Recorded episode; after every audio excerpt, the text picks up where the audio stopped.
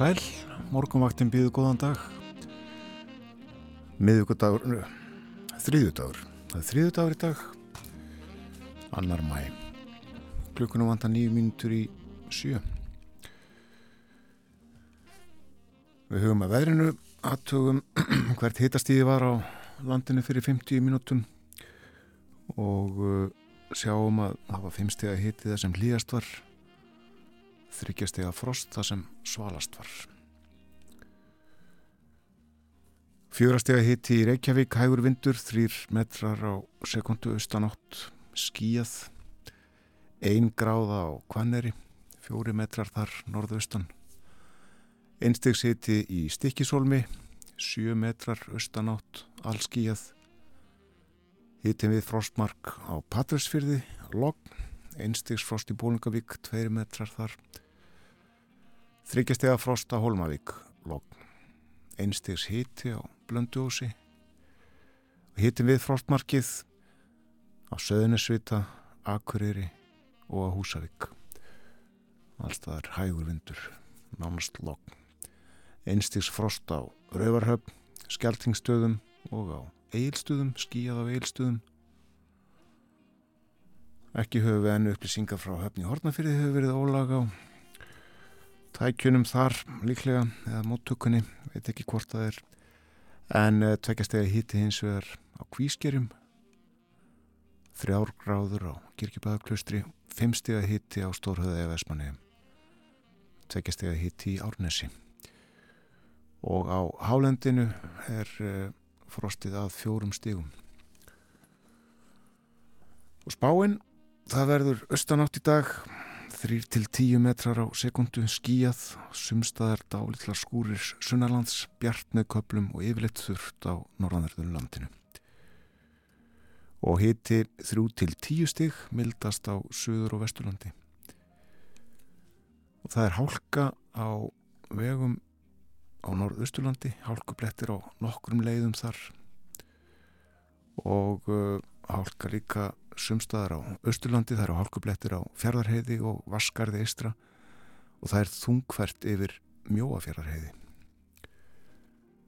Þetta eru þær tilkynningar sama. Komnar eru í hús frá starfsbönnum vegagerðarinnar en eh, kann nú að vera hálka víðar svona með tilliti til hittastiksins. Nú slökkustarfi laug í Hafnafyrði um uh, þrjú í nótt held ég kom upp eldur í drafnarslipnum þar og allt tiltakt slökkulið kallað út.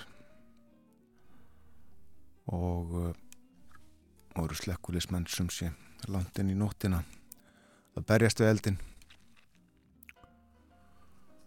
og uh, já, að til þrjú. Og sjá að þessu myndir á uh, vefsíðu rúf bæði ljósmyndir og, og lifandi myndir. Það er ímislegt á dasgráð þáttarins þennan morgunin Þorðusnar Júliusson verður hér upp úr hálf áttafutölum um efnahag og samfélag. Artúr Björgvin á sínum stað eftir morgunfréttinar og uh, við heyrum líka í uh, formanni Apls starfsgreinafélags á Östurlandi Hjördísi Þóru Sigurþórsdóttur þetta á fleira á dasgráð þáttarins í dag Nú í gær 1. mæ þá uh, voru liðin 90 ár frá fæðingu Magnúsar Ingimarssonar tónlistamanns Magnús var prentariða ment og uh, starfaði sem slíkur um skeið samhliða tónlistinni hann syndi henni engungu þegar hvað mest var að gera Magnús leka á piano og hann útsetti tónlist starrakt eigin hljómsveit og leik líka með öðrum hljómsveitum. Hann stjórnaði kórum og starfaði í leikúsum, svona svo eitthvað sem nefnd. Magnús lest árið 2000. Hlustum á hljómsveit Magnúsar Ingimarssonar, Ingi Björg Smith syngur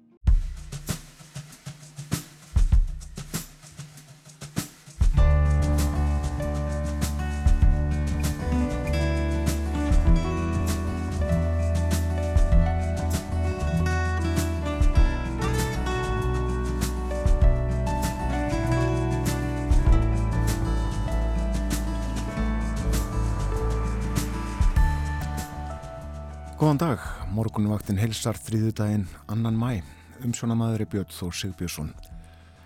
Baráttufundir voru haldnir um allt land í gær á alþjóðlegum baráttudegi verkalýðsins. Verbolga og vakstahekkanir voru rauður þráður í áörpum fórstufólks í verkalýðsreifingunni enda staðan svört. Hjördís Þóra Sigur Þóstóttir formaður APLS á Östurlandi og einn varafórsetta ASI áarpaði sitt fólk á höfni Hortnafyrði í ger hún verður í símanum klukkan hálf nýju og við ræðum um ástandið og horfurnar og lausnirnar. Þóruðsnar Júliusson verður með mér í dag. Verðbólgan á dagskrá í spjalli um efnahag og samfélag. Einnig fjármál Reykjavíkuborgar og rekstur flugfélagana Æslandir og Play.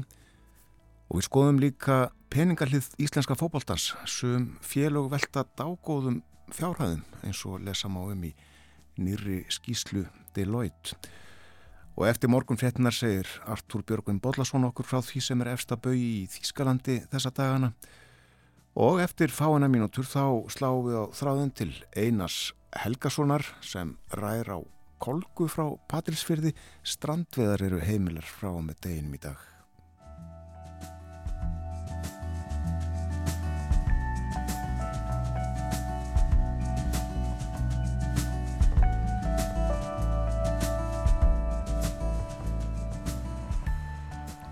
Hugum að veðrinu þessa dagana er það hæðið við Grænlandi og norður af landinu sem stýrir veðrinu hjá okkur, segir veðufræðingur í hugleðingum, ásamt víðáttu mikilli lægð langt söður í hafi.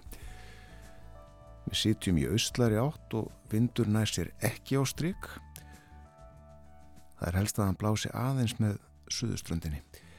Í dag geta dáletla skúrir fallið á sönaverðurlandinu en uh, það verður yfirleitt þurft norðan til hiti fjögur til tíu stegi við daginn. Á morgunætti hins vegar að vera þurft á öllu landinu. Á fymtudaginn best svo til okkar rakara loft þegar líður á daginn og má þá búast þið dálítilli regningu nokkuð víða en Norðalands verður áfram þurft við fræðingur í hugleðingum. Og uh, já, uh, hittin í dag að uh, tíu stigum og svipaði hittastig á morgun miðugudag og einnig á fymtudag en það má búast við kannski 13 stig að hitta á förstu dag, lögat og sunnudag.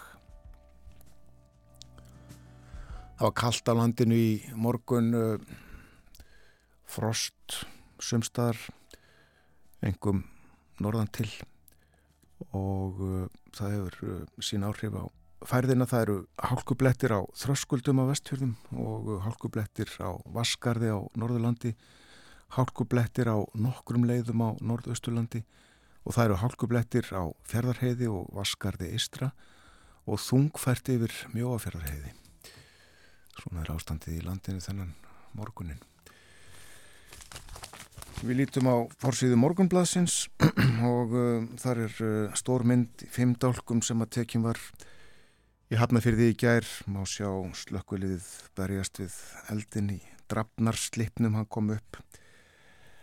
Þarna var það ekki uh, upp úr átta eitthvað svo leiðis allt tiltækt slökkvilið á höfuborgarsvaðinu kalla til og uh, slökkvistarfi laug um þrjúinótt og það skýðlogaði þarna í uh, húsinu eða húsunum.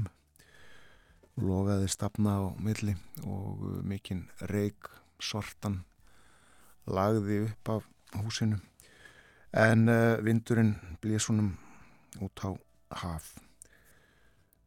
Og ég nefni aftur sem að ég sagði frá áðan að uh, það má sjá myndskeið frá slökkustarfinu á VF Rúf Nú uh, á fórsíðunni segi morgunblæði frá skýrslu nýri skýrslu um uh, áhrif nýrar byggðar í skerjafyrði það var starfsópráfið um innviðar á þeirra sem að mann þessa skýrslu en tilkynnt var í síðustu viku að innviðar á þenni til Reykjavík og Borg hafðu komist að samkomlægi um að hefja jarðvegs framkvæmdir og þar með undirbúning uppbyggingar í nýja skerjafyrðinum. Og uh, rætt hér við Njál Trausta Friðbertsson, Þingmann sjálfstæðisflokksins og Mörtu Guðjónsdóttur, borgarfulltrúa samaflokks sem eru óanað. Njál Trausti er uh, ekki ánaði með að uh, þinginu hef ekki verið gerð almenlega grein fyrir þessari skíslu og Marta vil meina að kynning hennar á vettvangi borgarstjórnum hafi verið í skötulíki og ekki námið það villandi kynning, segir hér.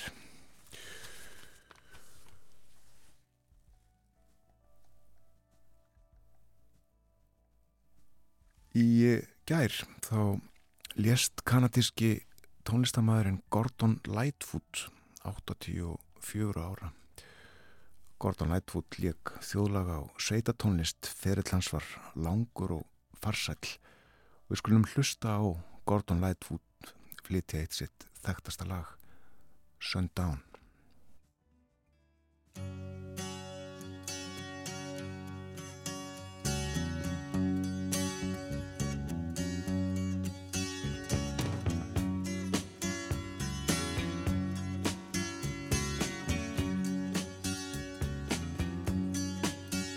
I can see her lying back in her satin dress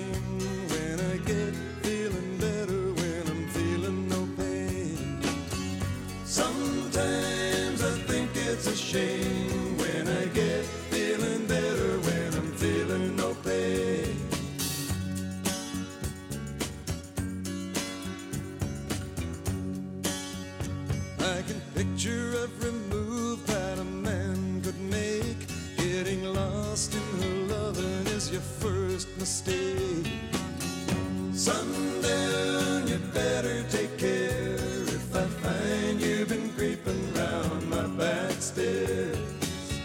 Sometimes I think it's a sin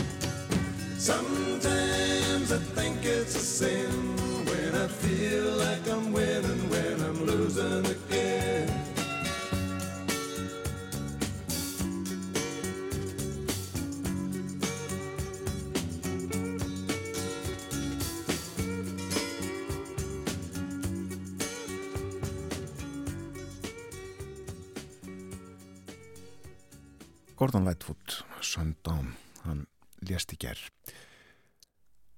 En strandvið tímabilið er hafið, það stendur fram í ágúst. Þetta er 15. sömarið sem strandviðar eru leiðar og um, þeir sem er stunda hafa í 10.000 tonna þoskpott að sækja. Í símanum hjá mér er Einar Helgason frá Patrísfyrði, hann er formaður strandviði félagsins Króks, það er á Kolgu B.A. Góðan daginn, Einar. Góðan daginn. Ertu á sjó? Herri, ég er að sjá þjá. Og út eitthvað enn kortir yfir fjögur. Voru margir þá mikið lífi í höfninni? Herðu, það voru þegar farnir nokkri bátar og, og voru, voru og eru enn að týnast út.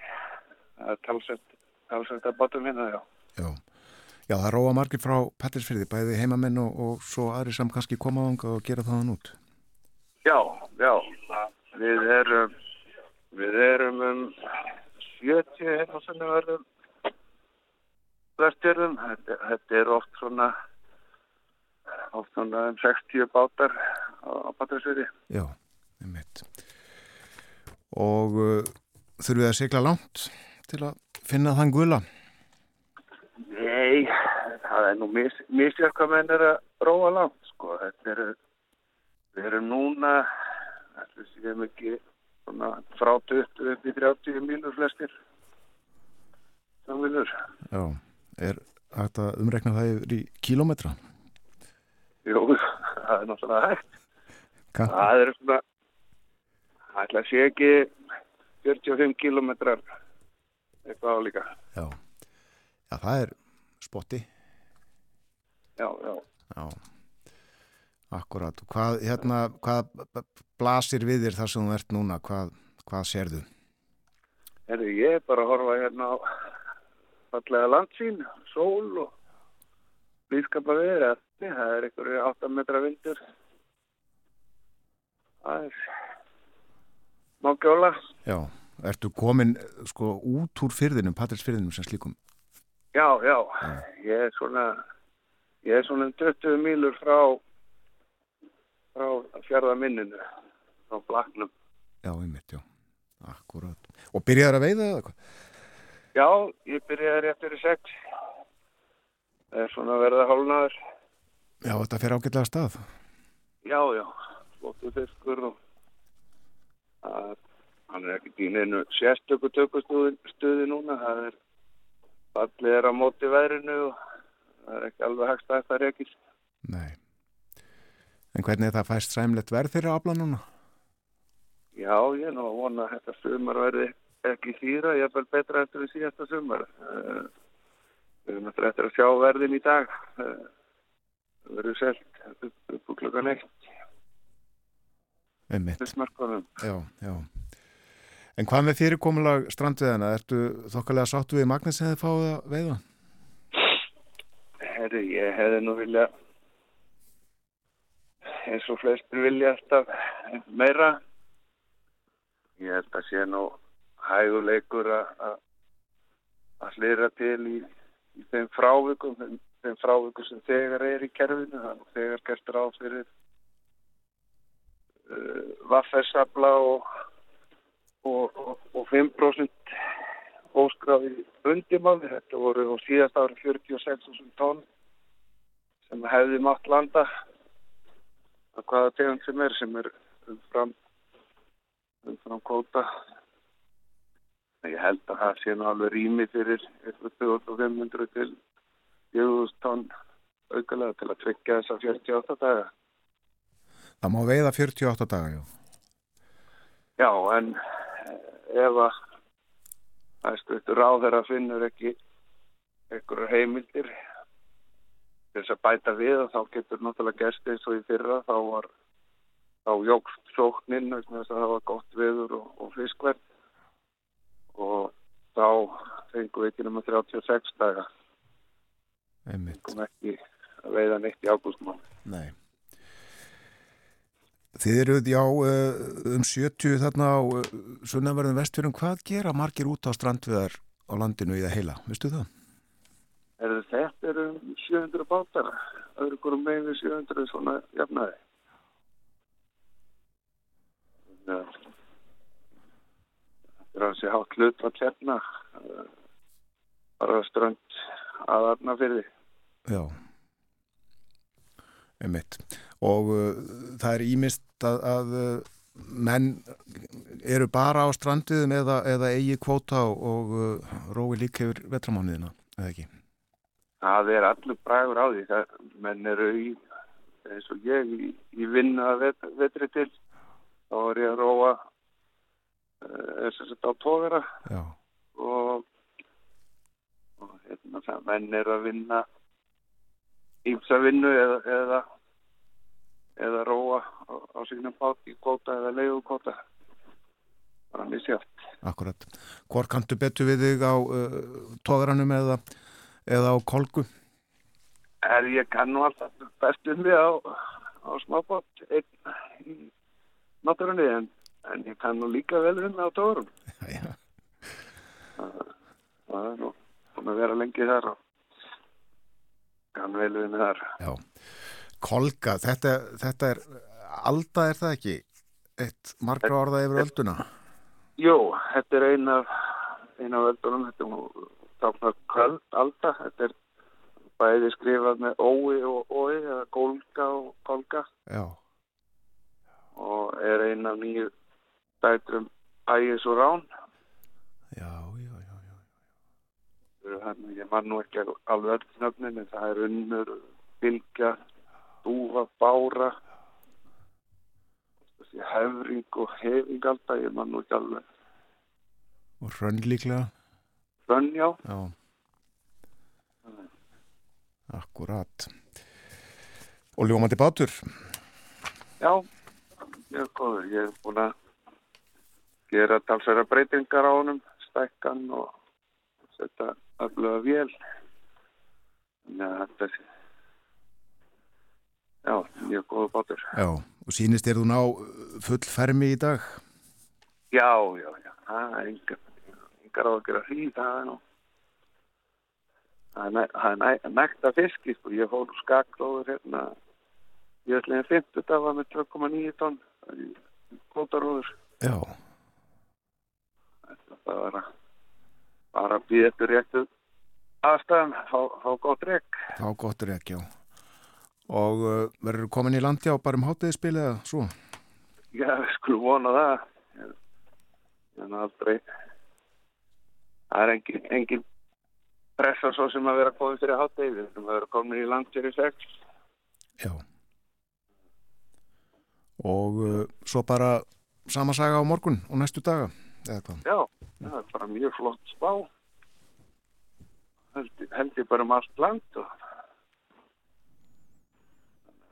það má rekna með því en við verðum sjá þess að þrjá daga sem er í leið, leiðir þessa vikuna.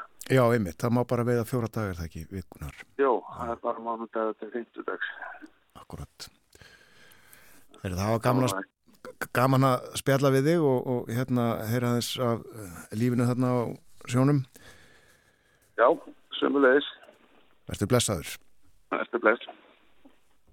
Þetta var Einar Helgarsson, hann er uh, sjómaður á Kolgu eða Kolgu.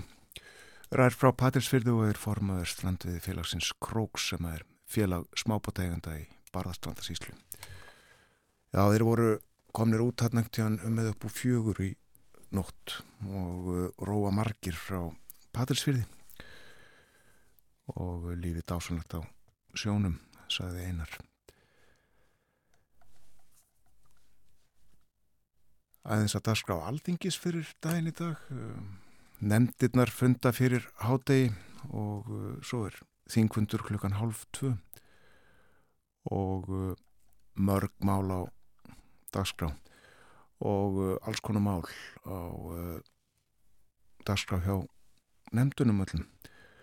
Hotlust og hættir og mingunavarnir til dæmis og innheimtustofnum sveitafélaga, umhverjus og samgöngum nefnd allra fjallaðum þau mál og uh, allserjar og mentamálunemnd fjalla meðal annars um aðgerða áallin gegn haturs orðræðu áallin sem á að gilda til 2026 og uh, einnig um eblingu barnamenningar fyrir árin 2024 til 2028 og uh, fleira nefni við úr dagskrá, fundadagskrá þingnemdana landbúnaðastefna til ásins 2040 og uh, matvælastefna til sama árs er á dagskrá aðtunveganemndar í dag.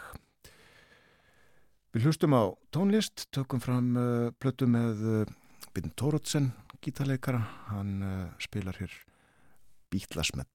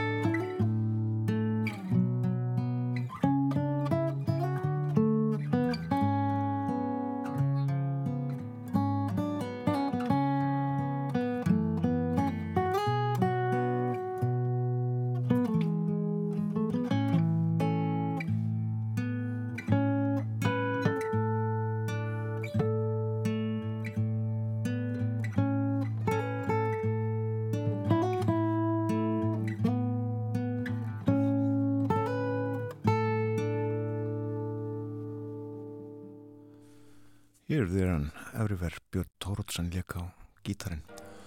Það líður að frétta efliti hjá okkur hér á morgunvaktinni eftir það verður Þórdursnar Júliusson, rittstjóri heimildarinnar með mér ef við ætlum að spjalla um efnahag og samfélag. Ímislegt á dagskrani hjá okkur, svo minni ég á að Artur Björgvin Bodlason verður á sínum stað eftir morgun fréttinnar klukkan átta og milli hálf nýju og nýju þá ræðum við við Hjördísi Þóru Sigurþórsdóttur, formann Apl starfsgreinafélags á Östurlandi. Sæl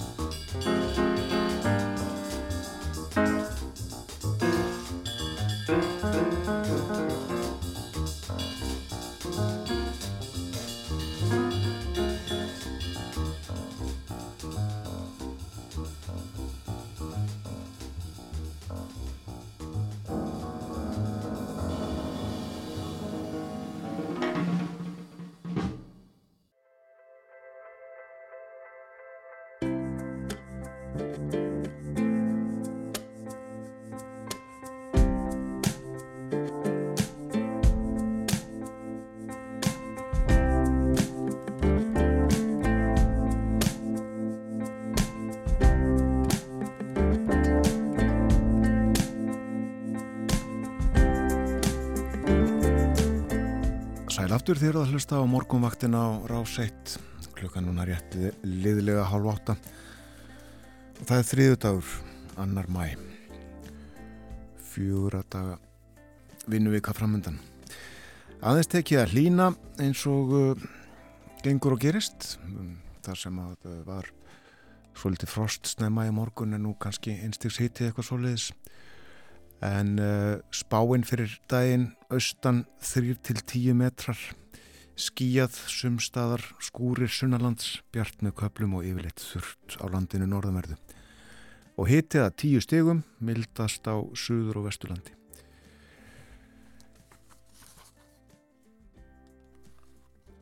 Og það er komið að spjalli um efna og samfélag. Þórður Snar Júlíusson, rittstjóri heimildarinnar er sestur hér andspænis mér. Góðan dag Þórður. Góðan daginn Björn. Við viljum að spjalla svolítið um fótbolta á eftir, ekki leikin sem slíkan heldur fjármál fótboltans. Fótboltaliðin eru söm hver ávið bara þokkalegustu fyrirtæki þegar litið er til veldu. Deloitte hefur krufið fjármálinn og skrifað um það skýrslu. Og við ætlum líka að tala um fjármál Reykjavíkuborgar, Bullandi Halli var á rekstri borgarinnar á síðasta ári og uh, flugfylögin 2, Æslandir og Play, þau töpuðu háum fjárhæðum á fyrstu þreymur mánuðum ásins. Byrjum hins vegar á verðbólgunni, hún fór upp á ný í síðustu mælingu, stendur í 9,9%.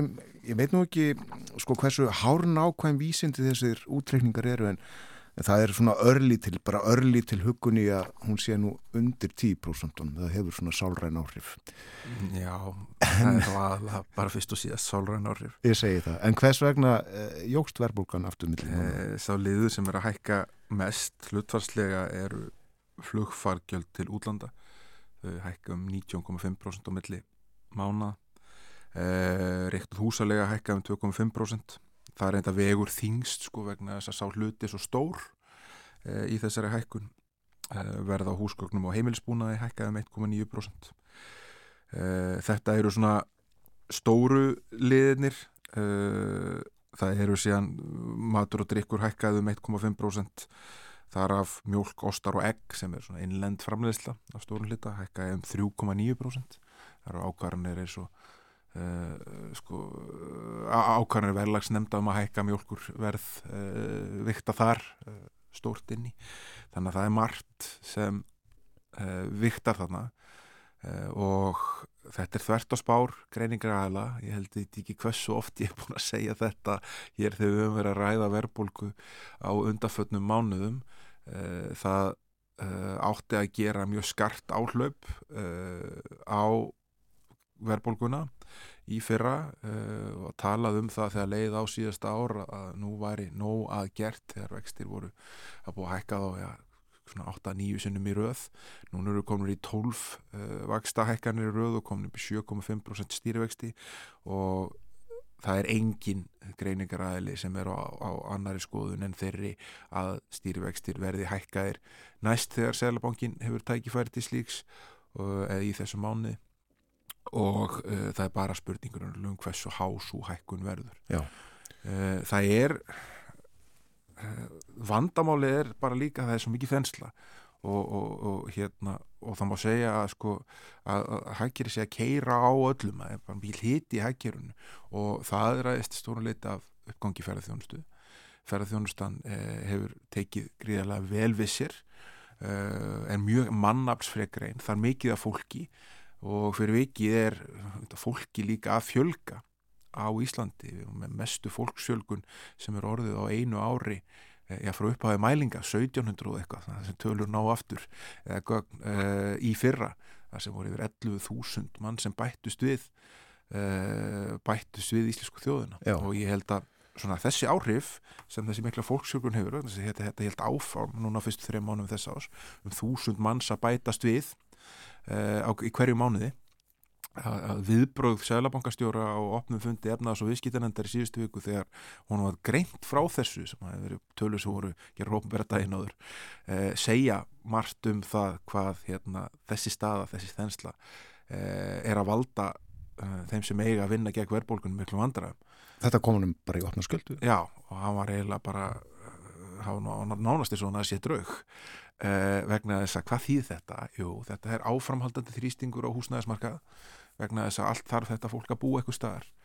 Og húsnæðisverð er ekki að læka það er að hækka á milli mána þrátt fyrir og sett meira og minna búin að taka fyrstu kaupundur út, úr, út af markaðinum uh, og viðskipt sem er þessi stað eru þó uh, hjá þeim sem eru svona kannski með meira á milli handana og svo þeim sem eru búin að fara í verðtriðulánin sem uh, ja, eh, eru þá að gefa eftir eignamyndun gegn því að fá uh, læri greiðslubyrði núna um þessar myndir og framvundan eru þetta, það að losnar um þessi 35 ára binditíma fyrir óvertrið lán sem voru tekin hér á korunveru tímanum og það, þá verða læti.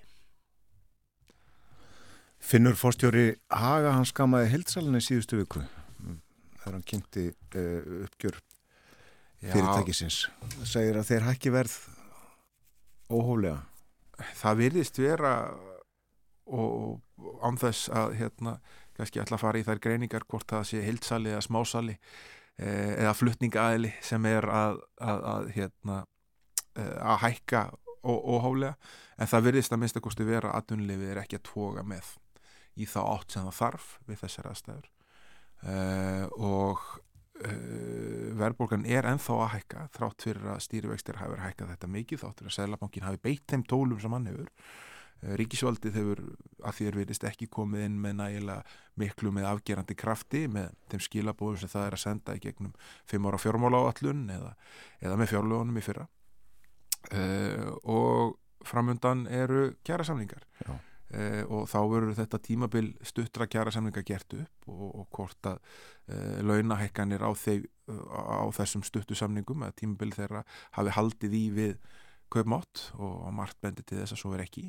Þannig að hérna þetta verða mjög flóknir mánuður þegar líður þetta ár. Já, og byllandi eh, hallaregstur á Reykjavíkuborg eh, upp, uppgjör síðast ás var kynnt í síðustu viku borgin, hall, hallin hjá borginni var hvað, eitthvað 15 miljórar, eða ekki? E, já, sá hluti rekstur ekki ekki borgar sem er ekki fyrir skatt við að hlutin svo kallega, það er þessi, ekki fyrirtækin sem er ekki ekki borg á eða á hluti. E, tapaði 15,6 miljónum króna.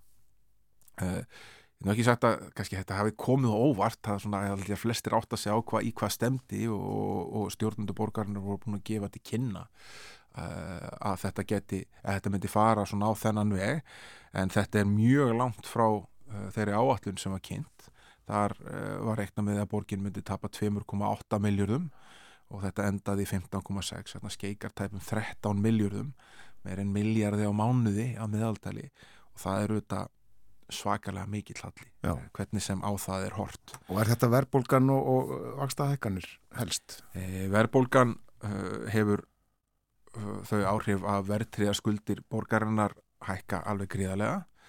Uh, og það er það talið þetta vikta einhvað 5-6 miljardar sem hérna bætast við þar. Borgin hefur búið fyrir sig líka að uh, yfirtaka hennar á málafólki fatlaðara frá uh, ríkinu á sínu tíma. Að þar sé halli sem hafi verið 9,3 miljardar síðasta ári. Það sé að vantað fjármæk sem fyldi yfirtöku þess flokks og þetta er stórt úrlausnarefni sem öll sveitafjölu standa fram með fyrir gegvart ríkinu að fá fjármagn inn í þennan málaflokk vegna þess að þetta er lögbundnar skildur sem þarf að sinna uh, gegvart þessum hópi ísletinga uh, en uh, það eru þetta alveg klárt að það þarf að grípa til ímissa aðgerða til þess að takast á þessa stöðu. Ekki bara lista hverjar ástæðunar eru fyrir því að hún er fyrir hendi. Já. uh, Reykjavíkuborg er yfir skuldaviðmið núna það eru skuldaviðmið sem hérna, sveitafjölu megi ekki fara yfir en hún má vera yfir því. Uh, skuldaviðmiðin voru tekinn tímbundu sambandi vegna COVID og Reykjavíkuborg þarf að ná sér aftur uh, undir skuldaviðmiðin fyrir loka ás 2025 og uh, það, er, það er 200% núna viðmiðin eins og það má vera, það var ekki alveg tekið sambandi, það var hækkað og Reykjavíkuborg er í 158% þannig að hún er alveg í færum til þess að ná sér þangað. Það þegar að vera að bera saman til dæmi stuðuna í Árborg og í Reykjavík er eh, er ekki með einum hætti sambarlegt Árborg að komi vel yfir 200% í skuldaviðmiði og uh, Reykjavíkuborg á þetta tölverar eignir sem Reykjavíkuborg getur selt. Reykjavíkuborg á land Reykjavíkuborg á hluti í fyrirtækjum samkettisfyrirtækjum eins og ljósleðarannum og Carbfix og öðru í gegnum orkuveituna sem svona, maður, maður sýnist ímislegt benda til. Að hérna, sem ljósleðarann er núna í hérna, hlutafjárreikningu sem mun vantalega vikta með einhverjum hætti nefnaðsreikning borgarnar óbeint í gegnum orkuveituna og hérna Carbfix uh, þar eru að leikta enga fjárfestingar þannig að hérna, veist, það, það eru svona hluti til staðar en hún þarf auðvitað líka að horfa inn á við og, og, og það þarf að, að fara í það að endur skipilegja ímislegt í, í starfi Reykjavíkuborgar sem er eitt stærsta fyrirtæki á landinu. Gríðarlega margir sem vinnaðar og það hlýtur að hægt að finna einhverja einri hagraðingu líka án þess að það bitni mjög á henni margum töluðu grunnþjónustu Já. Uh, borgin veldi er það ekki 150 miljónum svoleiðis síðast? Rúmlega það Rúmlega það, já. að hlutinn það er að segja uh, og svo samstæðinu þetta skilar hagnaði Uh, en það er viktar inn í félagsbústæðir sem heldur utan að félagslega íbúðakerfi borgarnar og, og heldur á rúmlega eða 3067 íbúðum til þess að vera alveg nákvæmur uh, og þegar húsnæðisvar hækkar mjög mikið eins og það gerði í fyrra þá hækkar virði þessara íbúða. En þetta eru ekki peningar í hendi og Reykjavíkuborg er ekki að fara að selja þessar íbúðir og grafa þannig undan félagslega íbúðakerfinu sem borgin er að byggja upp og heldur svona ja, langstæstu leiti uppi hér á höfbruksvæðinu þannig að uh, það er ekki tægt að nýta þessa peninga sem eru stóra breytan í þessari þessum hagnaði björlutans uh, í neitt annað en að skila samstæðin í hagnaði Æmitt, já. Þetta eru tölur á blæði. Eh, flugfélagin töpuðu peningum síðan, fyrstu þremu mánuðum ársins. Á Æsland er uh, hvað, einhvern 7 miljórum að það ekki og play eitthvað á 3 miljard. 2,3 miljardum og uh, tapið á Æsland er náttúrulega sama og það var á fyrstu þremum mánuðum ársins í fyrra uh, þegar tapaði 7,1 miljardum en Æslandir var sem með miklu fleiri farþega. Núna vorum við 57% meiri farþega. Fyrirtækið er komið í maður leiður sér að sletta full swing uh, eftir uh, áföllin sem dundu yfir hérna uh, með kornuveru faraldunum og núna er uppsafn að tapa Æslandir frá upp á 2018 komið í um 87 miljardar króna sem eru dálaglegar upphæðir hvernig sem á það er hort það er verðt að taka fram að fyrstu ásjónungur er venjulega svo slakast í, í, í rekstri flugfjöla, þetta er ekki sannarlega ekki háana tími þetta er, hérna, e, þetta er svona látiðan e, hjá þeim og svo, og svo skánar þetta á öðrum og þriði er svo besti og, og fjóruði er oft skapilegur en fyrsti. E, þannig að hérna það eru bara að voni standa til með að við hvernig bókunarstaðan er í sumar og svona þetta mun allt taka við sér. En það eru greinilega svona erfileikar að, að, að, hérna, að koma þessu í uh, hagnaða rekstur. Það eru all, alltaf að breytur sem spila inn í og hafa neikvað áhrif á, á stöðuna. Og, og markaðurinn síndi það að hérna að hann var fyrir vonbröðu með bæð þessu uppgjur, það voru lækani strax við opnunum viðskipta þegar þau voru tilgreind uh, hér fyrir helgi.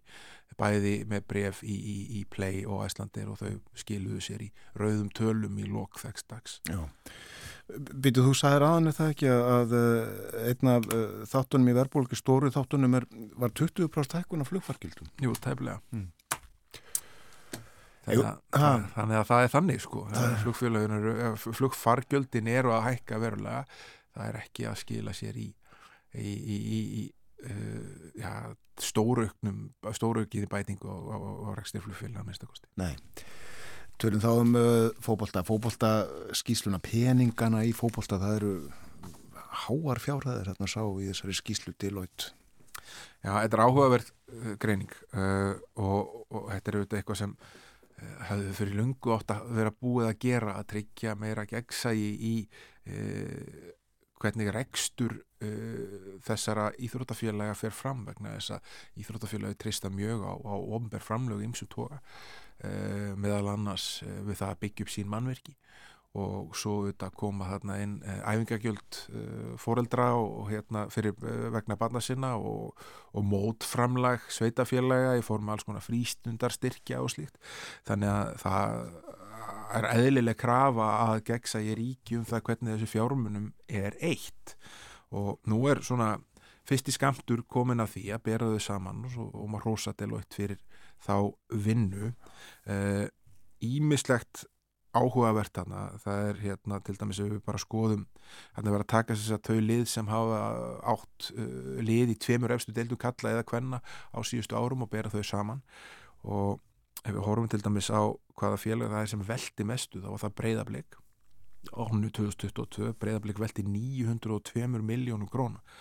Það er að segja komið 902 miljónir króna inn í kassan hjá breyðablík og það eru þetta svakalega miklu peningar eins og þú myndist á hérna á hann það er nú bara e, príðilegasta fyrirtæki að stærð e, og félagi skilaði hagnaði upp á 157 miljónir en þar eins og verður að taka fram að muna verulega um styrk sem breyðarblik fekk frá félagsmanni sem fjall frá og arleiti félagi 200 miljónum e, og án þeirra greiðslu hafði félagi verið reikið í tapi og har, ég festist áldi í því því að ég var að skoða þetta að skoða þennan lið sem er í Deloitte greiningunni sem heitir uh, styrkir og framlög sem eru þá ekki svona hvað við segja tekjur sem eru teknar inn á viðskiptalögum fósundum, þetta eru ekki sjómarsréttur, þetta er ekki auglýsingasala, þetta er ekki eh, greiðslur frá knastbundusambundunum alþjóðlögu fyrir það að komast í Európsambundun, þetta eru styrkir og framlög. Já.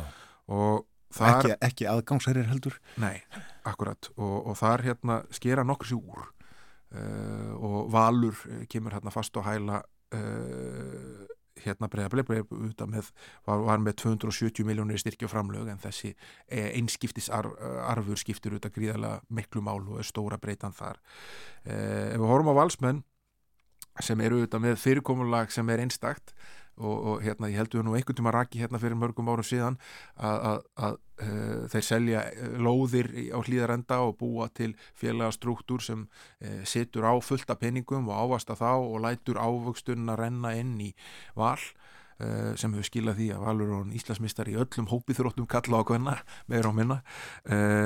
Og sjálfsegnastofnunni hlýðarendi sem hefur þetta hlutverk að greiða styrki inn í val hún, ég kíkti ásetning hennar og hún greiti 165 miljónir í styrki inn í val á árunni 2021 það munar nú um það.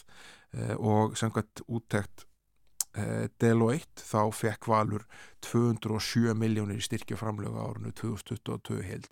Þannig að það má ætla að Þorrin þar hafi komið frá þessu fyrirbæri í sjálfsegnarstofnuninni hlýðarenda. Fyrir utan þessi tvö þá uh, eru uh, félögin Suðumisjó, Keflæk og Grindæk líka með yfir 150 miljónir í styrki og, hérna, og framlög. Og, og, og það má ætla að það sé komið frá fjársterkum fyrirtækjum uh, á þeim svæðum. Og allt, allt í allt eru, eru áttafélög með yfir 100 miljónir í styrki og framlug en alls er þetta 2 miljardar sem eru greitir í slíkt. Já. Og uh, félagin hafa söngver uh, mikla tekjur að því að selja leikmenn til útlanda. Já, sko hinn stóri tekjubósturinn sem er í rekstri félagana eru greiðslur annars vegar frá UEFA fyrir það að komast í Európa-kefni og svo hins vegar vegna félagskipta og e, þar er hann munar alveg svakalega á milli eins og til og með breyðarbleik og vikingur sem hafa jú, verið að komast í Europakefni og verið að selja leikmenn uh, erlendis. Uh, tekjur uh, bleika á síðasta ári vegna greiðslu frá UEFA og félagskipta voru 296 miljónir það er aftur dágóðu peningur. Vikingarnir koma skamt á eftir með 233 miljónir og í þriðja sæti á þeim lista er IA með 81 miljón þannig að þarna er heimin og haf uh, á milli og þar sést glögglega hvað það munar fyrir félög. Jú að komast í erfukjefni en ekki síður að vera með þannig svona fyrirkomula á rekstri sínum að það spili leikmenn sem er góða möguleika á því að koma erlendis fyrir ykkur að peninga. Já og það er jæfnilega að fá nokkrar, nokkrar 10 miljóna fyrir leikmann eða? Uh, já, heldur betur. Og svo getur við fengið jafnvel enn meira þegar uh, framlýða stundir vegna þess oftast er þessi samninga gerðið þannig að það er ákvaðið sem gerir það verkum að, að til dæmis fara til Norex sem er ekki dóalgengt eða einhverja Skandinavíalandana og taki síðan stærra skref síðar á ferlinum þá koma viðbóta greislur uh, til uppbyldisfélagsins og þannig hérna var til dæmis með Uh, Gilva Sigursson sem dæmi þá var FH sem var uppeldisfélag Gilva Sigurssonar þáttur að hann að nú kannski fyrst komist á kortið með, hérna, uh, með að fara í önnurfélag og Íslandi og hérna var enþá að fá greiðslur uh, fyrir hverja sölu af honum þegar það er stóðu sem hæst. En svo er mjög á, áhuga greiningarna um sko hvað er að bera saman sko hversu mikið félag borga leikmunum og hvernig það skilar árangri og það er kannski ofskamu tími til þess að fara í það en það er áhugavert að sjá það að það er ekki alltaf beinfylgni á milli sko. Eh, félug getur verið að dæla fjármunum í, í, í, í laun til leikmanna en uh, það skilar ekki það, það viktar ekki inn í einhvern aukin árangur Nei. og svo verður líka að taka fram að það hefur verið gaggrínt uh, úr ímsum áttum að svona sum félug séu ekki mögulega að uh, segja allan launakostnaðin sinn inn í þessa tölur og það gæti skýsta, það er ekkit að vera þessu að svíkja stundanlunum hætt en það gæti skýrsta því að það hefur týrkast lengi að uh, fyrirtæki raunulega er að greiða laun ákveðina leikmanna upp á einhverju marki uh, án þess að það fari í gegnum félögum sem er að spila fyrir og þá auðvitað kemur það ekki inn í, í, í kostnæðarliðina hjá, hjá viðkomandi félögum, viktar ekki inn í launakostnæðin og heldur ekki inn í ja, annarkort framlög, styrki eða hérna, e, eða jafnvel auglýsingasamninga eða ef þetta er eitthvað hluta af slíku.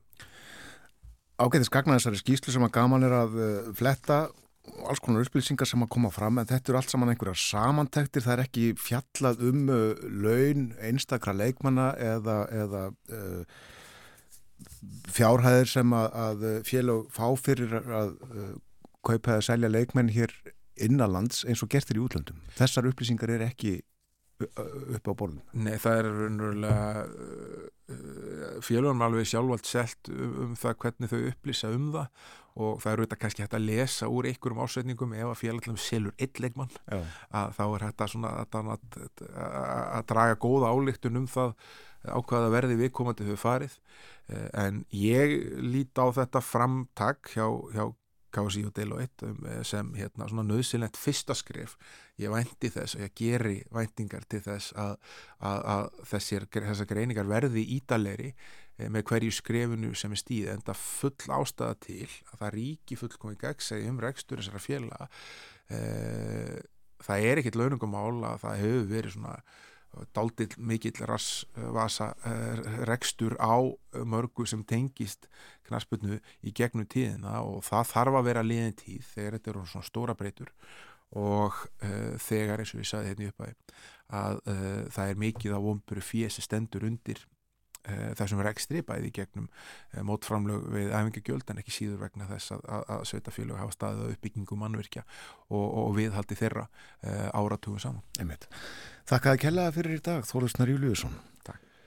Við spjöldum um efna og samfélag á þriðutarsmórnum Og komum nokkuð víða við í dag, það var fókbóltinn hérna síðast, eh, fjármál Reykjavík og borgar líka og afkoma flugfélagana á fyrsta ástjórningi og einnig verður bólgan.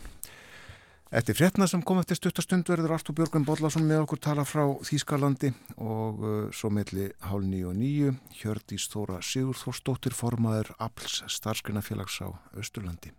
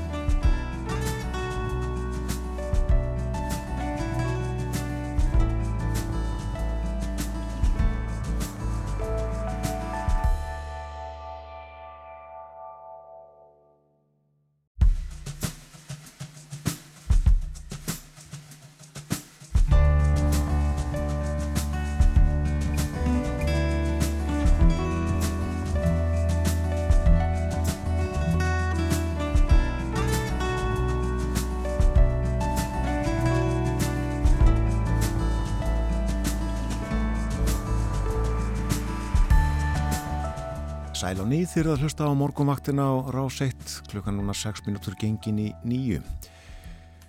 Ég minni á að hér upp úr hálf nýju þá ræðum við við Hjördísi Þóru Sigurþórsdóttur, formann Abls starfsgreinafélags á Östurlandi um baratumál verkaliðsins. Fyrsti mægi gær, alþjóðlegur baratudagur verkaliðsins. Hjördís Þóra held ávarp á baratufundi á höfni Hortnafyrði Hún segir okkur frá því sem hún fór yfir í ávarpi sínu í gær. En uh, nú er komið að spjalli við Artur Björgun Bodlasson í Þýskalandi. Hann tala nú oftast frá Berlín en uh, er nú stattur öllu sunnar í Þýskalandi í Bæjaralandi. Heil og sæl og góðan dag. Góðan daginn. Já, þú ert í Bæjaralandi. Þar uh, ertu komin bara, já, söður undir landamærin að Östuríki, er það ekki? Jú, jú, ekki langt frá þeim, það er frekar skamt til Salzburgar í Östuríki hér. Já. Rétt utan við stættur í Víslum bæri sem heitir Erding, rétt utan við München. München er hérna innan seilingar, þú maður segja. Og allt orði grænt og vænt þar er það ekki? E, jú, og uh, það hjálpa líka, nú rignir aldrei og ringdi í gær og rignir í dag og rignir svona morgun, þannig að það verður orðið enn grænað um, um uh, næstu helgi. Já, akkurat. Eh, þú ætlum nú að segja okkur hérna á eftir frá því hvers vegna það vort stattur þarna en eh, fyrst förum við til Berlinar, við þurfum að tala svolítið um pólitíkina þar. Já, eh, það þurfum við nú að gera. Við verðum minnast á hann að stundum í, í okkar spjalli en það er, það er svona gerðnan haft á orði og ganta sem það hér í Hískarlandi að Berlína búar bindi ekki baka sína sömund útum á samferðarmenni eins og sagt var hann Sæmund Holm í hvaðinu horfum og hvorki í stjórnmálunum, ég heldur í öðrum efnum og uh, það er uh, áræðað, það má áræða oftir sanns við að færa. En til að rífja þetta aðeins upp uh, þá má nefna að, að, þegar að korsið var til borgarstjórnum fyrir rúma hálfuður ári í Bellina þá skapaðist mikið öngþveiti og það sko mikið að, að kostningarna voru dæmdar ógildar og það varði endurtakaðar fyrir á þessu ári og og uh, þegar að sko endur, þegar búið var endurtöka kostningarna kom í ljós að jafnaðarflokkurinn sem fór með fórustu í borgarstjórn og ótti borgarstjóran fórustu hérna fransísku Giffey hann hafði tapað miklu fylgi á milli kostninga Já. og uh, þó að það hefði verið tölfræðu grundvöldu fyrir áframhaldandi stjórn uh, flokkana þryggja jafnaðarflokksins græningja og vinstrisins þetta er linke þá ákvaða fransiska Giffey að bjóða kristilegum upp í nýjan politískan dansmessir og og þeir höfðu nefnilega auki fylgið sér gríðarlega og, og, og hafðu heil 10% á milli þessara tvekja kostninga. Þannig að svo settust jafnaðamenn og kristilegur á raukstóra og, og smíðu stjórnarsáttmála eins og farið gerir. En þegar að, sko, og báði flokkarnir eða félagar í báðum þessum flokkum í Bellin samþyktu hann, kristilegir samþyktu hann með, já ég held bara öllum greitum aðkvæðum, en um, fylgi svona jafnaðamanna voru ekki, ekki eins mikið. Þeir, þeir samtíkta með naumum meiri hluta. Og það komur reyndar ekki óvart því það er vitað að jafnaðamenn í Belgin eru frekar í róttakar í hlutaflokksins en svo áttur sem þetta, svo gerist það þegar búið er að ganga frá þessu þá var kjósa leðtúa kristilega Kai Vigner sem nýjan borgastjóra og þetta er í sjálf og seg bara sérimóni eins og maður segir, yfirleitt svona bara bara hefðbundin kostninga því að þeir eru náttúrulega með hreinan meiri hluta og sæmilega goða meiri hluta þannig að þeir setjast niður, þetta er leinilega kostning og þeir greiða alkvæði bara með sínu manni. En, eh, og þetta er fyrsti borgarstjóri íhalsflokksins í 22 ár þannig að það ríkti auðvitað mikil gáttínna í herbúðum kristilera. Mm.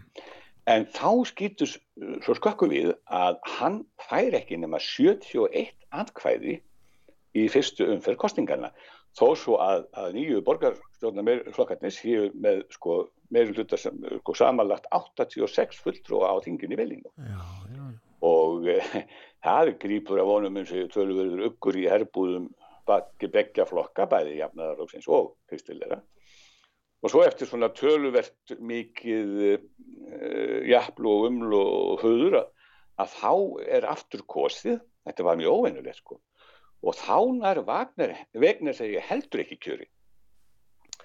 Uh, hann þurfti minst 80 aðkvæði til þess að, að vera kosin borgastjóri uh, og það átti ekki vera vandamál með 86 aðkvæða mér en, en uh, nú fekk hann yfir með 79 og vantaði ennþá eitt og þar með var þessi, var þessi blessaða kostning orðina algjörum svona pólitískun spennutrilli eins og sagtir. Já menn voru bara bóstað að fara á límingunum eins og er sagt og, og, og hérna, en það hefur það aldrei gest í sögu beilinar að nýrborgastjóri þurfi þrjár umferðir til þess að ná kjöri því að hann er með meirulsvöldur á bakvísi þegar það gengið til kostninga og það er einu sinni held ég komið fyrir einhvers það sá ég það að, að það hefur þurft vegna einhverja vandrað að endur taka kjörið. En ekki þrýsvæsunu, það er aldrei gæst Jafnaðar menn eru sér sagt uh, likjundi grunum að hafa verið þarna stríðunum eða hvað? Já sko það er ekki ljóst. Því þriðju lóti, lótu fekk hann svo 86 aðkvæði sem döðunum til þess að verða borgastjóri Já.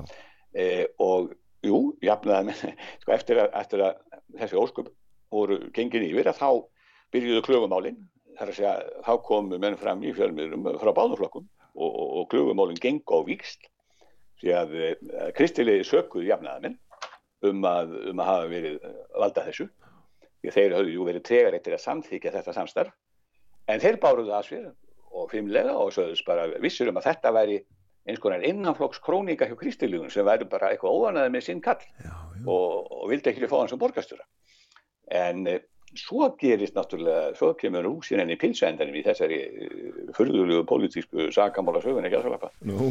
að, eh, að þá allt í hennu byrstist talsmaður hægri aukaflokksins AFD og býtur höfuðið af skömmun í bóstæðilegmerkingu með því að lýsa því yfir að nokkri úr hennarflokki hafi ákveðið að greiða um að viknir atkvæði til að lifta honum á stól borgastjóra og binda endi á þennan hráskinnarleik eins og töluðum og e, þetta var náttúrulega til þess að kóróna allt saman sko því að AFD er ekki það var 17 fulltrúa á, á, á, á hérna, þingin í Bellin og, og e, kostningar þeir eru hins vegar leinir þér og það verður erfitt að komast til bossi því hvað, hvað er þarna satt. En, en auðvitað svo á rúkus eins og bæði kristilegir og, og, og jafnaðar hand og hóttasöðu hvaða, þeir eru alltaf síljúandi þetta eru bara fake news eins og það heitir einsku og eh, þeir eru bara að sá sko, eh, þarna bara eh, setja salt í sárin og það er ekkert annað og reyna að spilla ástandinu á millokkar en sko ef að það reynist rétt verið og við munum sennilega aldrei fá að vita það. Er reynilega kostningar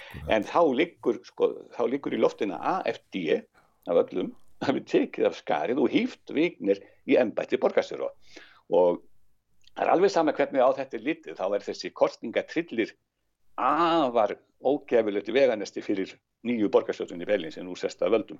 Og fyrir vikna sérstaklega sem nýjan borgarstjóru og þá eftir að áræðanlega eftir að eima eitthvað af þessu það verði eftirkvæmsta þessu sjónaspilju og, og þetta eftir að skikja og stefnu og störf nýja meirhlutar sem minna að þurfa þrefaldar kostningu til þess að verða borgarstjóri meirhlutar sem er alveg hreitn og skýr fyrir það er sagðið til næsta bæjar svo ekki sem er að sagt. Fyrir ekki vel á stað hjá það er synd að segja það. En uh, þá Artúr Björgvin að uh, erindi þínu til Erding. Þessa bæjar þarna skamt frá hér Já, e, sko það, kannski rétt að byrja bara að byrja og hér í fyrra kvöld nefnilega tók ég þátt í því og, og hafði gaman af að setja punktin aftan við listrænan gjörning sem að má rekja alveg um tæp 17 ár aftur í tíman og upphaf þessara sögu var að fyrir rúmum 16 árum eða náttúrulega til tíki 2006 þá kom bæverki myndlistamæðurinn og málarinn Rúdolf Rættir til Íslands vektur málari hér í Þískalandi og hann hafði í parteskjunu þrjá, fimm eða sex metra ranga borða, strimla sem hann hafði málað og þetta var líður í heimsögulegum gjörningi þessa frumlega listamanns sem hann kendi við eilifa umbreyting og endurkomi eða vandl und vítarker eins og þetta hétt og uh, þessa uh, miklu stránga hafiði rættir áður Eh, látið hanga upp í tré einhver staðar í námynda við hraðbrytt hérna í Ískanandi og hann hefði grafið á í jörðu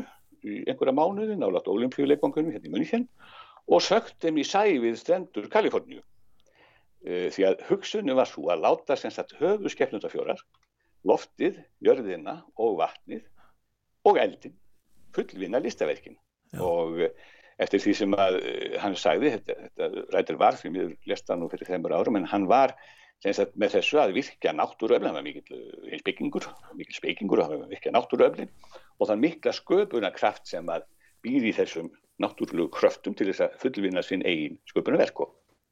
Árið áðurendar hafa hann komið til Íslands til að kanna aðstæður og, og, og, og sökka og hérna og hvaðra hvernig hann gæti sökt þessum verkum í Íslands tröyn. Já. Uh, og nota jarðeldin þetta sem síðasta, síðastu höfuskeppnuna og uh, það sem gerði þá mögulegt var það að hann hafði samband við flugfélagi æslandir á sínum tíma í, í, í Þískarandi og stjórnendur þess uh, fannst þetta afskaplega áhugaverð hugmynd og skemmtilegt verkefni að, að tengja svona bæjaraland og muni henn og, og við íslenska náttúru. Og flugfélagi gerði hann kleift að koma þessum verkum heim og koma sjálfum heim. Og, og það var settur eldfjallafræðingur í málinn og uh, hann komst að því að besti staðurinn til að sökka þessum verkum og láta eldin vinna uh, síðasta, setja síðasta punktin þarna uh, það væri kröplurhraun frá nýjunda áratug síðust aldar. Eldri, þessum eldri eru möguna kannski að þetta eru 75 sem að krabla byrjaði að gljósa og það voru gós í gangi í hvað nýju ár heimir þetta, 75-84 og og hérna svo uh, sagði eldfjallafræðingurinn að það væri þarna ákvæmlega gljótur í höflusögnu sem mætti reyna og ég ætla nú kannski ekki að fara út í smáatrið en ég var nú leðangur stjóri þessum leðangur eins allar minningar. Og fórum við þessum indislega manni hann var alveg stórkostlegur karakter. Hann var svona hálfgerður Salvador Dali sko hann myndi svolítið á hann en, eh, og, og frábært listamæður en uh, fyrst þegar átt að fara þetta inn á hraunið og með í för voru þetta nokkur í valdi þannig var einn maður frá uh, bladakona frá stórblæðinu Süddeutsche Zeitung sem skráði þessa ferð alla saman og, og þarna var líka kona frá bæverska sjónvarpinu sem að, sem að hérna filmaði og, og, og hérna svo var auðvitað íslenski ljósmyndarinn Emil Þór með í ferðinni mm.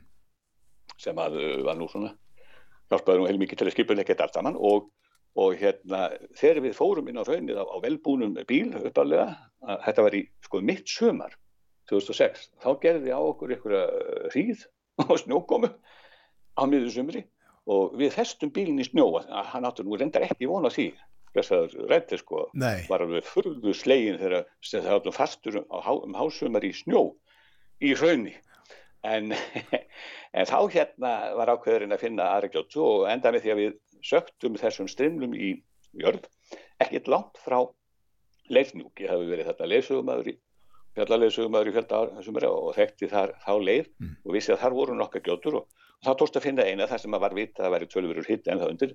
En þetta tekur alveg ára tvíið eins og við vitum fyrir svona sögnakolna og og þegar hann kom heim þannig í setjanskiptið og það er hlutasögunni þá kom rættir með 20 málverk, oljumálverk með sér eða tæplega 20 eh, sem að hann hafi málað innblásina fyrir ferðsundis í Íslands árinu áður.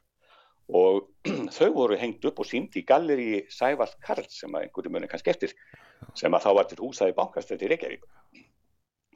Og uh, svo hengu þau þar og, og þessi verk sem fóru í sögni fyrir norðan þau voru fyrst hengt upp á listasafni Akureyrar sem þá var undir stjórn Hannesar Sigurssonar hann félst á að sína þau strangan áður en það fær í jörðina svo menn getur búið þá saman þegar það sem, sem við værið þegar ég kemur upp aftur.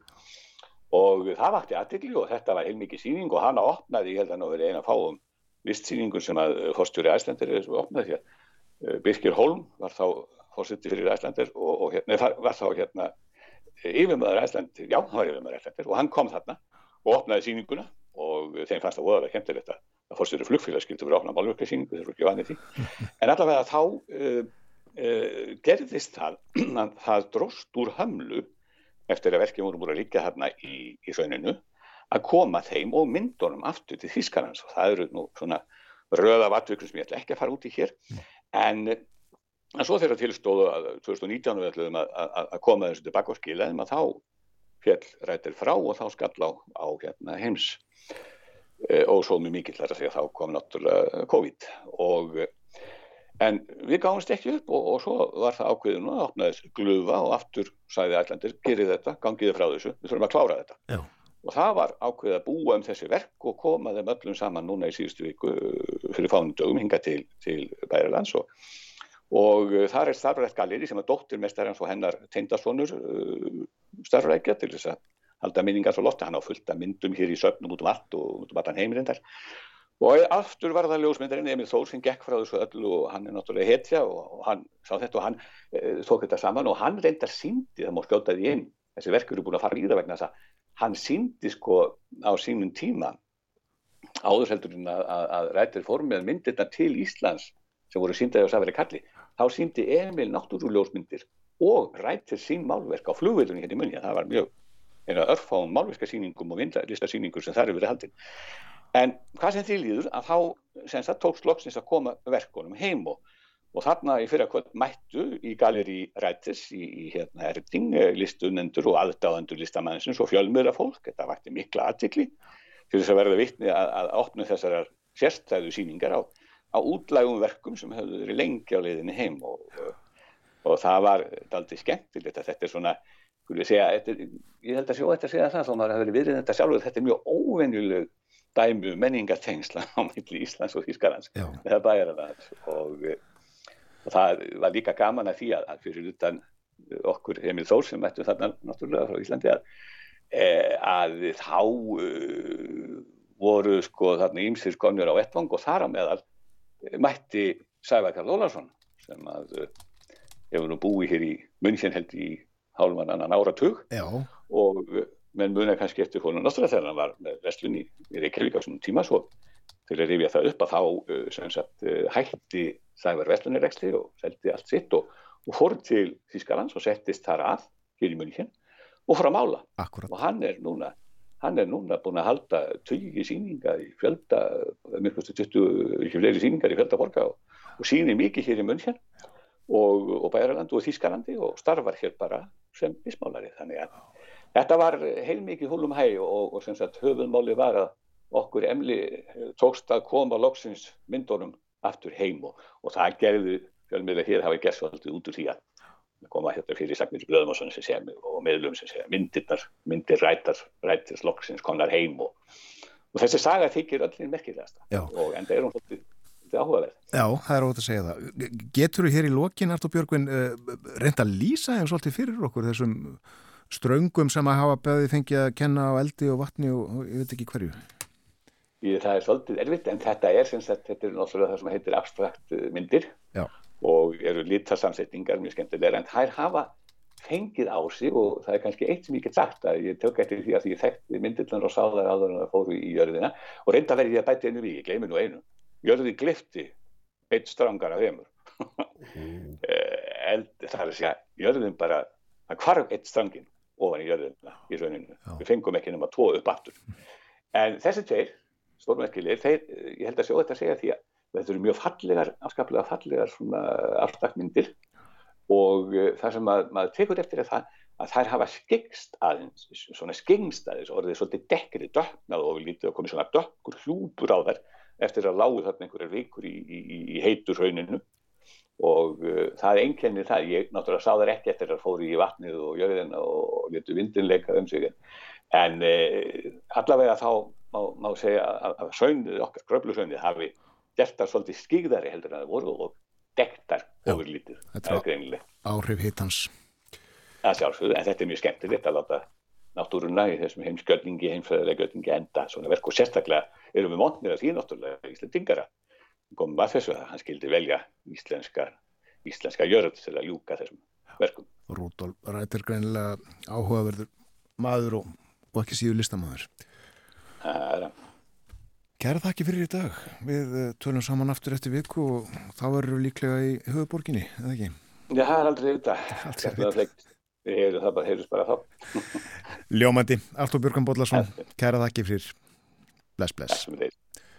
Artur Björgum í Bæjaralandi, rétt við Munnkjön, Munnkjön í eh, bæ sem að heitir Erding. Það sem að þessi verk eru sínt, verkin sem hann sað okkur frá eiga sér langa sögu. Það líður að frettaðafiliti kemur eftir 5 minútur og uh, eftir það þá sláum við á þáðan til Hafnar í Hortnafyrði og ræðum við hjörtísi Þóru Sigur Þórsdóttur, formann APLS, starfskunafélags á Östurlandi.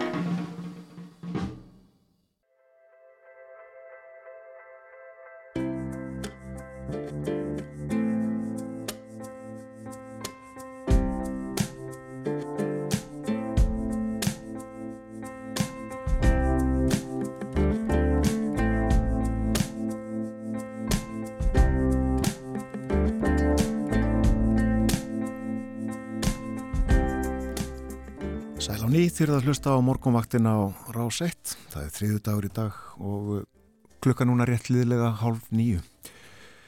Fyrsti mæ var í gær, alþjóðlegur baráttu dagur verkalýsins með tilherandi kröfugöngum og baráttu fundum um allt land.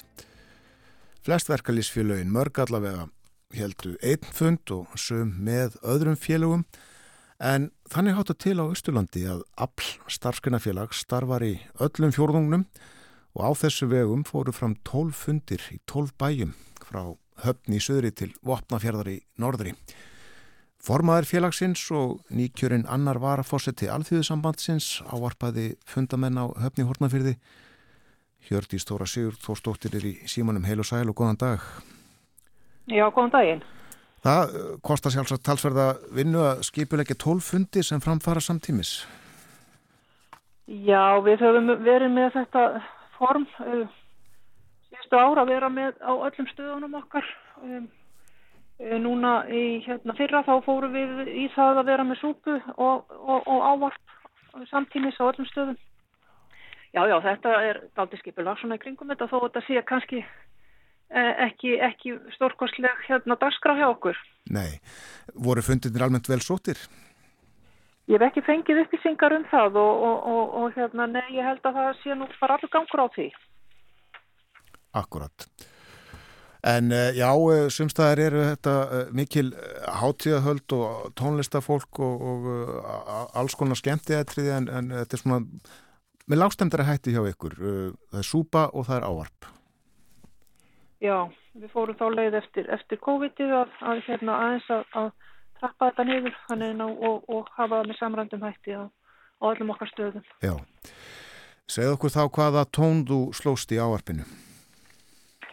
Það var auðvitað bara þessi staða í samfélaginu, uh, verðbólgan, uh, húsnæðisvandamálinn, um, staðan í reyfingunni, þar sem að, þar sem að hérna, já svona, hefur ekki ríkt kannski mikil, ná mikil sátt að mínu mati. Við erum nýkomin núna af, af þingi, allt í sambansins, framhalsþingi, eftir að hérna allt voru háa loft í höst og, og hérna við komum fokkalega róleg vil ég meina af þessu þingi og ég horfið til þess að, hérna, að við getum verið fokkalega samrind inn í, inn í næstu átök sem eru, ekki, sem eru handað við hórnið. Já, akkurat. Já, við þurfum að tala svolítið um uh, verðbólguna. Uh, þannig langt síðan við hefum séð svona tölur. Já, það er hérna langt síðan við hefum séð svona tölur. Ekki það að þetta sé óþögt hér, hér á landi en, en En núna síðustu árin þá, þá hefum við verið blessunlega laus við, við verðbólguna eða svona háaverðbólgu skulum við segja og, og hérna þetta er auðvitað bara mjög sleim staða sem að, verðbólgan skapar. Fólk er mikið í, í hérna overtröðun lánum og, og hérna ekki með kannski fasta vexti þannig að, að hérna þetta hefur mikla rafleginga fyrir heimilin. Já, hvað er þetta að gera heldur til þess að bæta ástandið? Ég held nú að þeir sem stjórna hér verði nú aðeins að fara að harska sig og, og, og, og hérna taka á, á þessum málum. Uh, menn vilja líka meina að hækkanir uh, ríkisins um áramátin að, að það, það hafi haft áhrif á verðbókun og ég hef ekki nokkur reyfa sendur um það og það er ekkit sleið af á þeim bænum varðandi hækkanir. Og með þetta já fariðið í uh, samlingavirðaður? Já, við förum náttúrulega í samlingabýraði með höstinu. Við erum náttúrulega ekki alveg búið með pakka núna. Við erum ekki búin semja við ríki. Það er svona vonandi á lokametrónum og sveitafélagin með höstinu. En, en síðan voru allir samlingarnir sem voru gerðir á almennamarkanum í, í hérna vetur eða desember og janúar. Þeir, þeir voru til rúmlega árs þannig að það þarf að fara í, í umræður og viðræður um þá með höstinu. Já. En, þetta það bara stafljótlega með haust og það er auðvitað bara að byrja, það var, það var að því þetta voru skamtíma samningar, þá voru, voru ákvæði um það og dagsetningar á ákveðinu þáttum sem átt að ræða og svo það er viðræður eru farnar á stað. En heldur að eh, nýjir samningar verði gerðir á einhvern nátt á grunni þessa, þessara skamtíma samninga? Já, það kemur mér ekkert á óvart, þetta er ég ekki, sé ég kannski ekki alveg fyrir mér, við sáum það fyrir okkur þegar við vorum í þessum samningum í desember að, að, að fara inn í, í lengri samninga um, í framhaldinu. En um, það hefur þetta ímislegt breyst síðan í desember þó ekki lengri tími að, að það er náttúrulega til dæmis þessi og kannski fyrst og fremst þessi verðbólka sem, sem að við eigum við að glíma þessa, þessa, hérna, þessa mánuðina Já. og það er svo sem ekkert sem segir okkur að hún sé á niðurleið og það er alltaf svona ákveð óöryggi í því falið að gera sanninga til langs tíma við, við slíkar aðstæður. Þetta er heilmikið verkefni sem að býður ykkur. Það er heilmikið verkefni, já, já. já. Réttlæti jöfnudur velferð, þetta er, uh, var yfirskrift dagsins í gerið það ekki? Jú, það var yfirskrift dagsins og, og, og vísar auðvitað bara til þess að, að hérna að þessi ójöfnur sem að er að aukast að þarf einhvern veginn að spyrna við fótum þar til þess að tryggja velferðina hjá, hjá hérna öllum, ekki bara sumum. Hvernig byrtist það okkur að, að jöfnur fari mingandi? Ég held að það sé bara nokkuð ljóst að, að það er aukin, aukin ójöfnöður. Við þurfum ekki nefn að sjá þessi, þessi hérna, byrtingamind sem að byrtist í, í húsnæðismálum þar sem að, að hérna, e, þeir sem að eiga húsnæði þeir bara reynilega okra á þeim sem að leia og síðan er, er hérna fólki bóðið upp á, upp á alls konar hérna kofa til að búi og, og greiða jáfnvel fyrir okkur verð. Við vorum auðvitað að horfa á, á hérna í sjónvarpinni gæðir verkvælsátökin á sjötta áratögnum og, og þar var nú svona aðeins minnst á, á hérna og, og farið yfir húsnæðismálun á þeim tíma mm. og hérna með svona aðeins hérna það kom náttúrulega við manna að hugsa til þess að þó að húsnaði sem að, sem að hérna flestir búa í síðu þetta mannsamandi í dag þá, þá er það ekki all, alls ekki með um alla.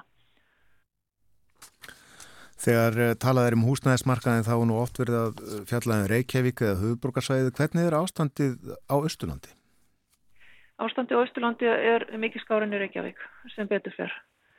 Um, það vantar hins vegar mjög víða húsnæði og, og, og það er eitthvað verið að byggja og og, hérna þar saman en, en það, það vantar tölvist húsnaði samt og ég ætla rétt á að lefa mér að vona að, að fólk búi ekki í svona slæmu húsakosti eins og, eins við höfum séð dæmi um. Nei, þú þekkir ekki slíkar sögur? Ég þekki ekki slíkar sögur, nei. Akkurat. Já, uh, þetta þarf að laga og uh, einhvern veginn finnst manni að, að uh, stjórnvöld hafi eiginlega sofið á verðinum, ekki, ekki passað að það sé hér nægilegt frambúð af húsnæði fyrir alla? Já, ég, mér finnst einhvern veginn stjórnvöld bara sofa dált mikið á verðinu varðandi allt mögulegt og, og, ef við horfum á, á hérna helbreyðsmálinn, þau eru okkur auðvitað ofalí í huga, það er helbreyðsþjónustan á, á hérna landsbyggðunum, hér hjá okkur til dæmis á Östurlandi, að það er meir og minna verið í, okkur vísa til Reykjavíku til að sækja alls konar þjónustu. Og slíkt bara kostar. Og það er ekki, ekki laknar í öllum, öllum bæjarfélagunum er það? Nei og, og síðan er bara þessi, þessi þjónusta sem, a, sem að er hérna, verið að, að vísa nefnt til dæmis uh, fæðingarhjálp hér til dæmis ég býð á hortnafyrði að, að hérna, foreldrar sem eiga vona barni þurfa að fara hérðan hálfu mánuði fyrir áallan fæðingadag og býða í Reykjavík með fjölskylduna og síðan getur það auðvitað brúði til að vona hva, hversu lengi frá áallunum fæðingadegi barni fæðist og þetta kostar náttúrulega gríðarlega fjármunni fyrir Já. utan röskun og annað og meina þetta er bara heilmikið mál Akkur geta börn ekki fæðist á höfn? Eh, það er ekki fæðingar hérna deilt hér, það er fæðingadeild á Neskústa og það er eina fæðingadeildin hér á okkar félagsvæði. Það sama gildir á nordursvæði okkar og opna fyrir þar og, og, og ég held að þetta eigi líka við um flesta svona áhættu fæðingar að konu séu sendar í, í, í hérna af svæðinu og þurfa að halda sér upp í sjálf, hérna fjölskyldunum sjálfar. Já, þetta er ágætt aðeins sem hún tekur hérna. Tím, tímónu saman sko, ég tala ekki um að það er einhver veikindi og annað þá, þá hérna þá lengist tíminn. Þannig að það, sko, þjónust á ýmsum sviðum hefur vestnað á landsbyðinni á undanferðum árum. Já, hún hefur vestnað mikið og, og, og hérna, og það verðist bara vera að það er bara einhver ákvörðun tekin um það að spara með því að, að hérna, leggja af þessa og hérna þjónustuna. Þetta er auðvitað engi spartnaður, þetta er spartnaður fyrir kannski ofinbæra naðila en það er bara verið að flytja kostnaðin yfir á fjölskytunar. Já, og hann getur verið hár eins og segir. Hann getur orðið gríðarlega hár. Tölum aðeins um uh, ASI þingið uh, þar sem að þú varst kjörin, er það ekki annar varafósti, er það ekki rétt hjá mér? Jú, það er rétt. Það, það eru sem þrýr varafósitar? Já, og síðasta þingi, eða sérst, eh, fyrir þrem ára síðan, tæpu þrem ára síðan, þá var fjölka varafóstun úr, úr tveim í þrjá, en núna erum við með fjóra fósta. Já. Og eru eh, einhver sérstök verkefni sem að þú serðum sem annar var að fórseti? Við erum náttúrulega bara að fara að funda nýmiðstjórn fyrst á morgun og, og hérna þannig ég eh, gerir ráð fyrir að, að það svona skýrist í framhaldinu hvernig, hvernig hérna hvort að verða einhver svona hefbundi verkaskipting eða, eða hvort að fórsita að hérna teimið hafa einhver sérstök verkefni saman. Nei, ég hef svo sem ekkit, ekkit verið að velta því mikið fyrir mér fram að þessu, þetta er náttúrulega bara ný skeið. Já. Bara að, að vera að hugsa um fyrsta mæ og annað síðan að ég kom heim. Auðvitað, auðvitað. Þið finnum út úr þessu einhvern veginn.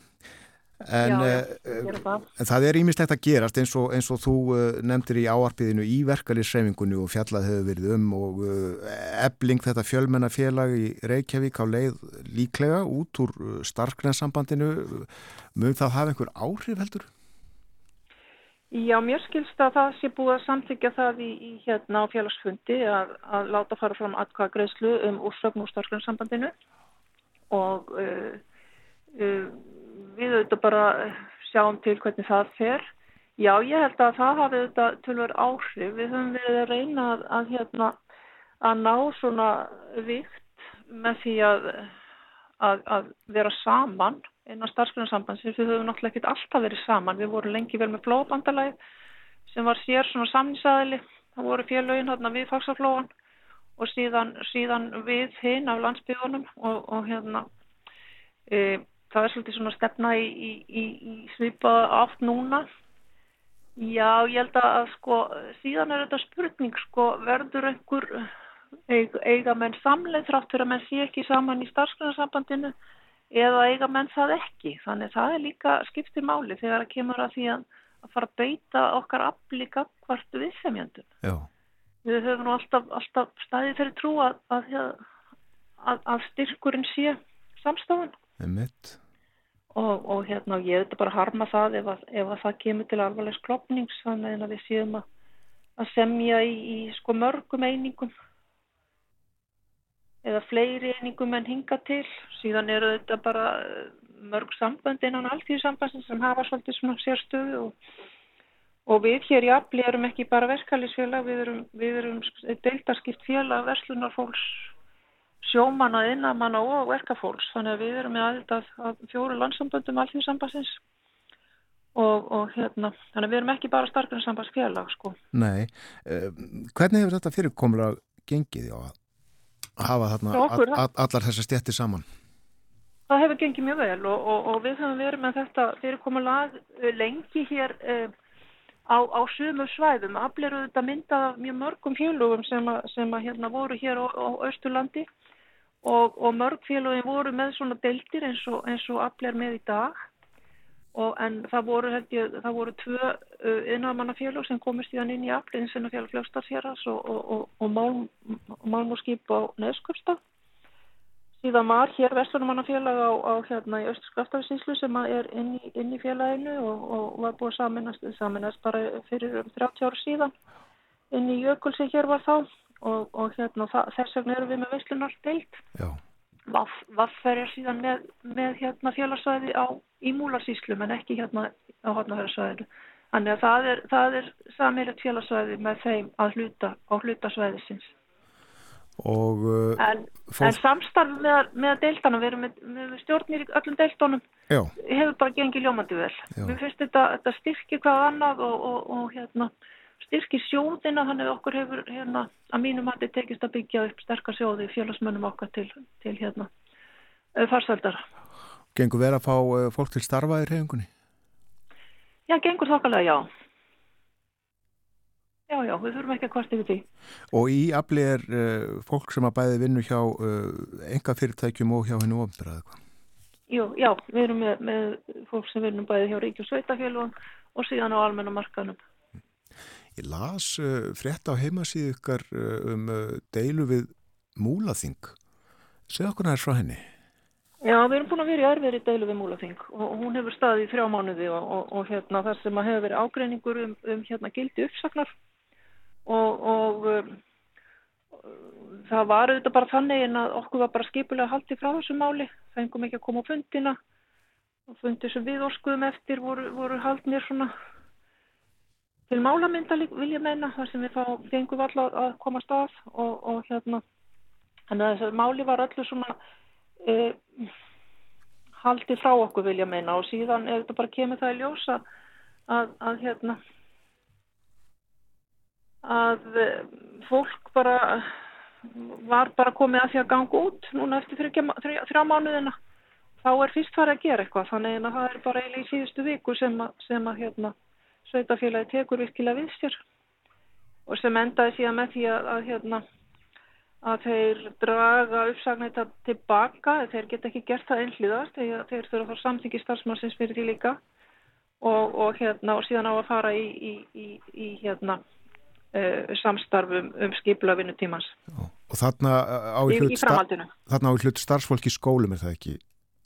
Jú, var, þetta voru grunnskólar múlaþings og þeir eru náttúrulega eftir saminninguna einhverju fimm skólar og, og hérna og þetta eru félagsmenn okkar sem starfi í grunnskólunum, skólaliðar og stöðnisfulltrúar, um, húsverðir, reytarar og mögulega fleiri störf sem að þarna voru undir, eldhús eða mötuneyti eitthvað líka.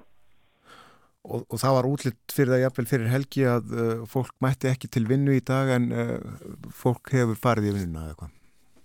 Í, í það var útlýtt fyrir það fyrir helgina að, að hérna, það voru margir held í búinras að leggja staðfestinga og þeir myndu láta störfi núna um mannaðmáttin og ég hef ekki upplýsingar um, um hérna hvað gerðist svo um, varðandi þau málefni nákvæmlega hva, hva, hver niðurstaðan var en, en þeir fengu þessa, þessi velirði og þetta samþengi fyrir því að, að, hérna, að þessa breytingar myndu ekki taka gildi í, í haust og það var auðvitað bara hvers og eins þá að meta það í framhaldinu hvað hann vildi gera. Já, að ég hef ekki fengið upplýsingar í, í morgun hvernig, hvernig þetta fór svo. Nei, það er kannski fyrir að spila stúl. Sko varandi, varandi hvern og eitt sko. Akkurat, akkurat.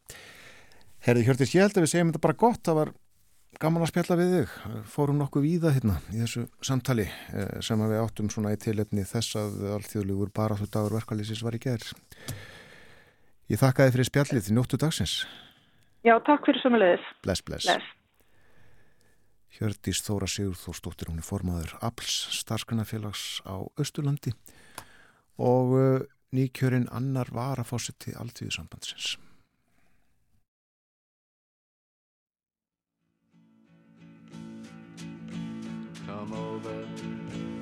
Window, my little darling. I'd like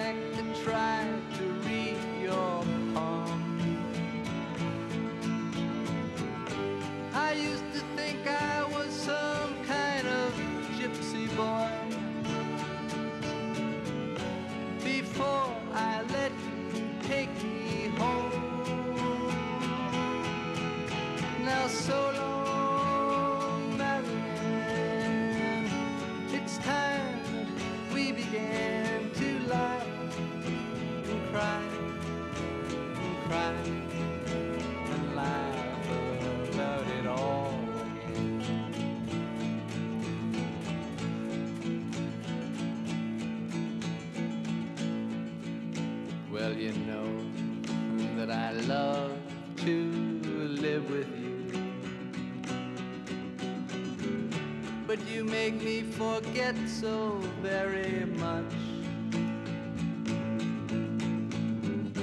I forget to pray for the angels, and then the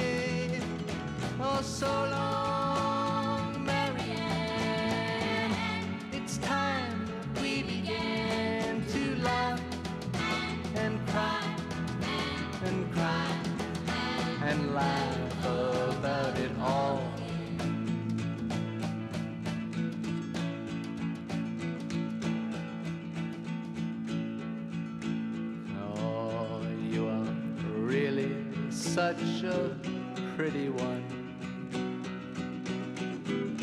I see you've gone and changed your name again. And just when I climb this whole mountainside